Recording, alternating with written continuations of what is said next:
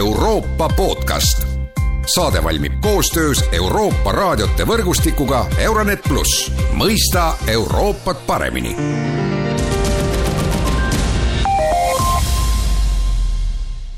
Tere kuulama tänast Euroopa podcasti, täna, kaheksateistkümnendal novembril pidas Euroopa Liidu asjade komisjoni esimees Siim Kallas Riigikogus ettekande pealkirjaga Euroopa Liidu ja Eesti kliimaeesmärgid aastani kaks tuhat kolmkümmend ehk eesmärk viiekümne viie saavutamine. Siim Kallas on meil nüüd ka stuudios, tere päevast! tervist, tervist! ja mina olen Erkki Vahovski ja see kõne oli väga huvitav, seal oli isiklik mõõde, oli globaalne mõõde, alustaks võib-olla sellest isiklikust mõõtmest, et, et te ütlesite, et et veel paarkümmend aastat tagasi samal ajal sai talvel suusad alla panna ja minna suusatama, praegu on ikkagi niimoodi, et see on väga juhuslik, see võimalus ja no me näeme neid muutusi ju igal pool, aga ometi leidub ikkagi kliimaskeptikuid, kes ütlevad, et et noh, see ongi juhuslik ja, ja talv ja lumi tulevad ikkagi tagasi, et mis, mis te neile ütlete? no ega, ega see lihtne ei ole iseendast öelda ja, ja no tähendab jah, ma, vot kui me räägime kogu aeg mingist kahest kraadist ja mingisugustest protsentidest ja mingisugustest, see kõlab nii abstraktselt, eks ole, et siis mõtlevad, inimesed lähevad, lähevad laiali ja löövad käega. et ma üritasin nagu selles mõttes tuua seda noh, tõepoolest, kui ma võrdlen oma lapsepõlve ja tänast aega. Ja kui ma mõtlen selle peale, mis saab siin aastal kaks tuhat ükssada, kui minu lapselapsed on veel elus, eks ole, siis eh, see muutus on ikka olnud noh, ütleme lapse, minu eh, lapsepõlvest tänaseni ka ikka väga-väga märkimisväärne ja noh, põhimõtteliselt need, eh, need on noh, näiteks eks ole, oli tore suvi. Siin mõned aastad tagasi tulime sealt Brüsselist tagasi oli, jube tore oli, hästi kuum ja päikesepaisteline ja siis jube mõnus oli ja siis järgmine aasta oli jälle samasugune kuum suvi, eks ole. ja siis oli jälle kuum suvi ja siis nüüd see aasta suvi oli ikka niisugune, et noh nagu ma seal ka ütlesin, et vandusime alla, see tähendab, et me olime nagu sellel seisukohal, et Eesti inimene, põhjamaalane, me kannatame siin paar nädalat kuuma ära, et me ei ole nelikümmend nagu Omaanis, eks ole, kus, kus on korra käinud ja see on ikka nagu košmaar. et, et me kannatame ära. Ja tänavu aasta ei, ei kannatanud enam välja, et ikkagi magada ei saa ja ei saa ja ei saa, et et see on noh, ütleme, et tähendab, see oleks nagu selle vastuseks, et kas me peame sellega tegelema või kas nähtus on olemas või mitte, eks ole. Ja, ja noh, ma julgen väita, et ja isegi ühe skeptikuga vestlesin siin täna selle kõne järel ja kes oli äärmiselt eh, nii-öelda skeptiline kõigi nende Euroopa plaanide suhtes, aga ma küsisin, kas sa siis usud, et eh, kliimamuutust ei ole. ta ütles ei, vastupidi, et ta on kindlasti veendunud, et see kliimamuutus on olemas. no vot, ja siis eh, järelikult on nüüd küsimus, mis siis selleks teha, eks ole, et ehk siis kõige suurem küsimus on see, et kas see, kas need inimkonna pingutused selle kraadide allapoole toomiseks või et ei tõuseks siin temperatuur, et kas sellel on, on nagu mingi mõte või tõepoolest on see, on see, et looduses kogu aeg, eks ole, muutub ja noh, kui näiteks, eks ole, kui me mõtleme selle peale, et et Antarktikas on, on leitud kivisöemaardlad, eks ole, siis seal on olnud mets see ei saa ju muidu olla, eks ole.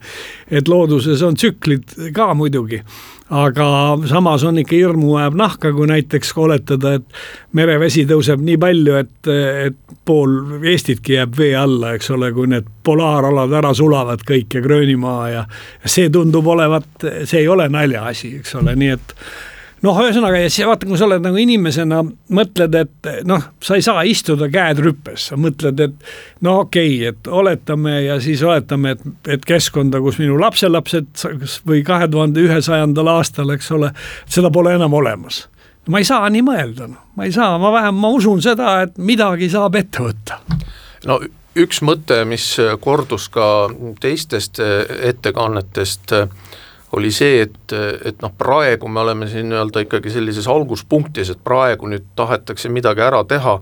ja Eestil on võib-olla siis kasulik olla selles äh, alguses nendes otsustajate ringis ja pakkuda oma ettepanekuid, mitte et siis hiljem lihtsalt rongile hüpata. et, et praegu on see moment, mida siis meie peaksime oma huvides ära kasutama no ma arvan, et äh, see on äh, täpselt nii ja see on loogiline, me oleme tegelikult alati olnud, noh, kuivõrd saatejuht on on kogenud välispoliitika ekspert, siis me oleme ju alati püüdnud olla, eks ole, et mitte kuskil kõrval nurgas, et ikkagi olla nagu aktiivne osaline ja öelda oma sõna ja noh, siis ühesõnaga see tavaliselt toob ka lihtsalt eh, sulle usaldusväärsust ja noh, mingi, mingil hetkel on tegelikult vaja sul ka seda toetust ja abi ja siis seda toetust ja abi saad ja et äh, igati loogiline. püüame jah muidugi olla, aga see on muidugi rohkem nüüd äh, nii-öelda valitsuse küsimus, eks ole, et, et äh, ja eks. aga ei noh, see suund nii on, eks ole, peaminister on ju sellel teemal ka nagu seal oma sõprade ja kolleegide reas nagu kõvasti nagu punkte saanud no üks mõte, mis äh, teie kõnest kõlama jäi, oli, oli see, et äh, rohepöördesse on vaja suuri investeeringuid ja on raha ja seda ka küsiti seal arutelul, et kust see raha tuleb, et aga Euroopa Liidul on see raha ju olemas tegelikult. No vot, ähm, see on noh, siin räägib minus nüüd ütleme rahandusinimene ja, ja, ja mõnes mõttes ortodoks, et äh, et eh, ei saa tekkida niisugust muljet, et raha on lõpmatu ja et see tuleb kuskilt, eh, nagu siin nalju tehakse, et kust see tuleb, see tuleb eelarvest, eks ole, ja siis, et see päris nii ei ole, eks ole, tal on mingisugune, ta on mingi asjaga ehk siis majandusliku võimekusega seotud ja adekvaatne, kui seda majanduslikku võimekust ei ole, siis sa seda raha kulutada nagu ei tohiks, eks ole. nii et äh, selles mõttes noh, ütleme praegu on küll tohutu raha saadaval, ütleme, on see, on mitu asja, esiteks on see taastekava, mida rahastatakse tohutu summaga. Teiseks on suhtumine laenudesse, eks ole, lastud reeglid väga lõdvale. kolmandaks on lastud lõdvale riigiabi reeglid, eks ole, et sa saad, riik saab paigutada raha, kus ta vahepeal üldse ei tohtinud sellega tegeleda kasutame ära, igal juhul kasutame ära, aga ärme kunagi unustame, et see ei tarvitse sugugi igavesti olla, eks ole. ja noh, siis on ja siis tähendab, kasutame ära, aga mis minu sõnum ka on, et mõtleme ikka, et ühel hetkel seda ei ole ja siis me peame ise, eks ole, ühest küljest kokku hoidma ja teisest küljest siis vastavalt makse korjama ja omaenda rahandusega tasakaalus, tasakaalukal moel toime tulema. no kõne keskmes olid ka inimesed tegelikult, te, te rääkisite ju, et me ei tohi ära unustada inimesi, kes ju selle rohepöörde läbi viivad ja siin ma lausa tsiteerin teid, et see tähendab, et seda pööret ei juhi mingi uus plaanikomitee käskude ja keeldudega, vaid ühiskond ja majandus on korraldatud niiviisi, et iseregulatsiooni abil saavutatakse rohepöörde eesmärgid, tsitaadi lõpp. et, et me peame siis nagu tekitama selle iseregulatsiooni või, või kuidas see mehhanism siis täpselt välja näeks? no siin räägib jälle minus minu niimoodi maailmavaade kui selline, et eh, noh, punkt üks on see, mis ma ütlen, et, eh, et Euroopa Liit rõhub liiga palju käskudele ja keeldudele. isegi kui ma lugesin, ma ei hakka neid tsiteerima, aga vaatasin valmistudes selleks tänaseks etteasteks, et noh, kehtestada selles asjas kehtestada uued reeglid, kehtestada standardid, eks ole. aga noh, see jookseb lõpuks kinni, see tuleb nagu mulle, kui see mind puudutab, eks ole, tuleb nagu vaenuliku jõuna, et mingi keegi kuskil midagi käsib. ja et sellepärast tuleks seda kuidagi, käsud-keelud ei kao kunagi päris ära, aga noh, ehm, siis hakkab niisugune primitiivne asi, et,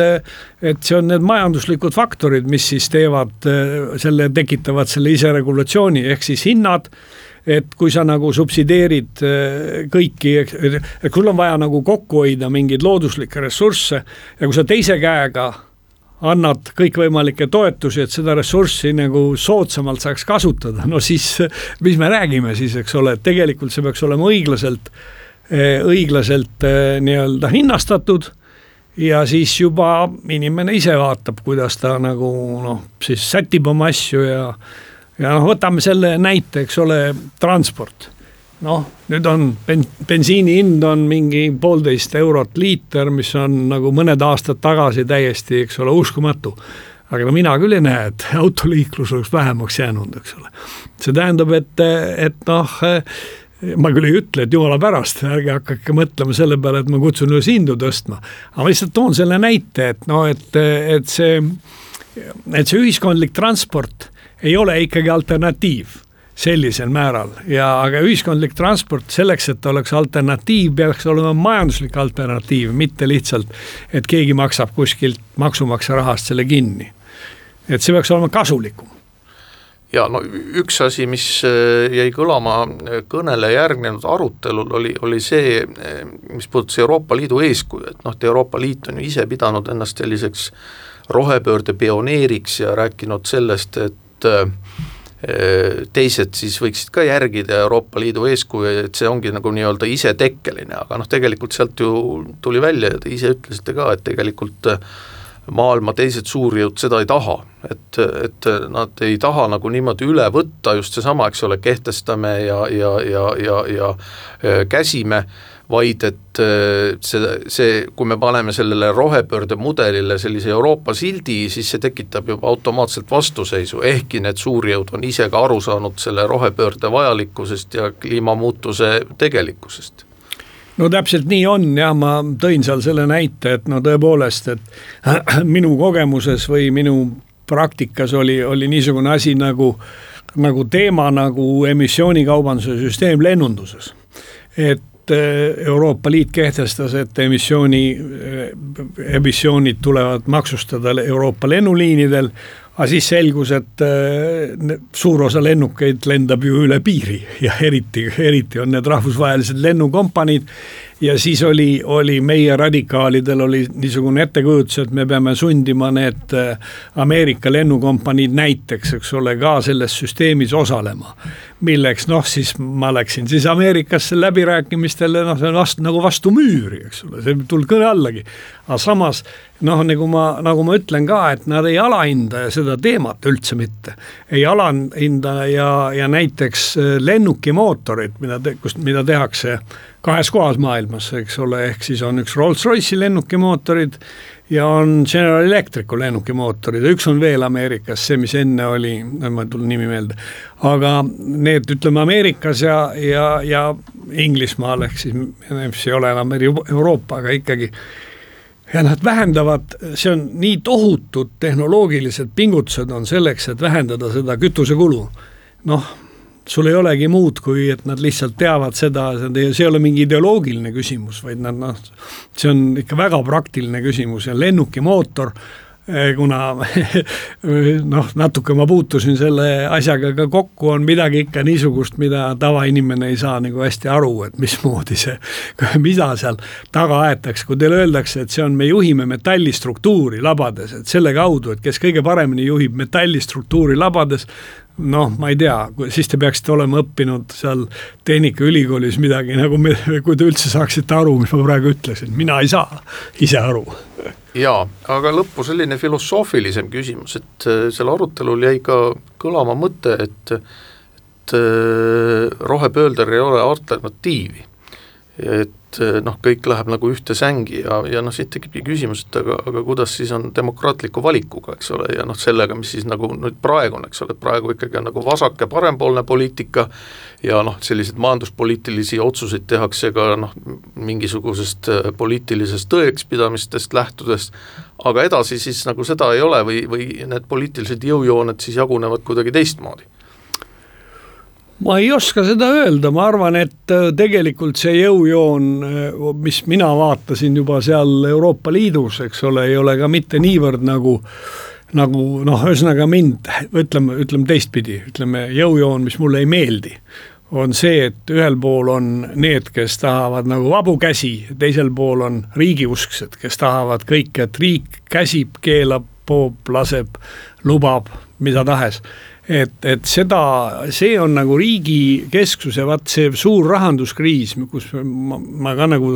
tunnistajana seal komisjonis sel ajal olin, eks ole, see rahanduskriis suurendas nagu riigi tähtsust, sest see kriis lahendati väga efektiivselt, aga see raha lahendati riiklikult. Ei muudetud nagu süsteemi, no näiteks, et et ähm, ei, ei lastud nagu pankades äh,, tähendab panku pankrotti minna ja ikkagi jäid tuksuma need pangad, kes, kes sees olid pehkinud ja olid laenukahjud ja kõik, et äh, noh, see oli nagu üks valik. Ja, ja täna ma arvan, on see ka, et noh, et äh, noh, ma arvan, et see ongi see üks valik, et kuidas me suudame selle rohepöörde viia inimesteni, et inimestel tekib see tunnetus, et katsume nagu noh, nagu käitumist ja, ja, ja niisugust suhtumist muuta, noh ma tähendab,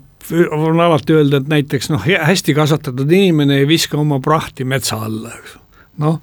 sul see ei saa maksustada, kas sa oma võim, eks prahti metsa alla panna või mitte, sul ei ole. või kas politsei tuleb, valvab seda, aga see lihtsalt peab olema meil hinges sees, et me teatud asju ei tee eh, niiviisi nagu ja noh, see kilekottide asi, mis nüüd on, ma arvan, et ühiskond on nagu üsna äh, vastu niimoodi hea suhtlev, heas, hea heasoovlikult suhtunud sellesse, et et igatemoodi piirata seda kilekottide kasutamist, mis tõesti on nagu ütleme, kes on vaadanud, noh, kõik on vist vaadanud neid igasuguseid dokumentaalpilte Indiast ja Indoneesiast ja kõigest, mis kilekotid ujuvad meres, et, et kui me suudame seda piirata, noh, see on nagu eelkõige käitumise ja suhtumise küsimus, mitte niivõrd mingi käskude ja keeldude küsimus aitäh, Siim Kallas stuudiosse tulemast, mina olin Erkki Paavski ja kuulasite Euroopa podcasti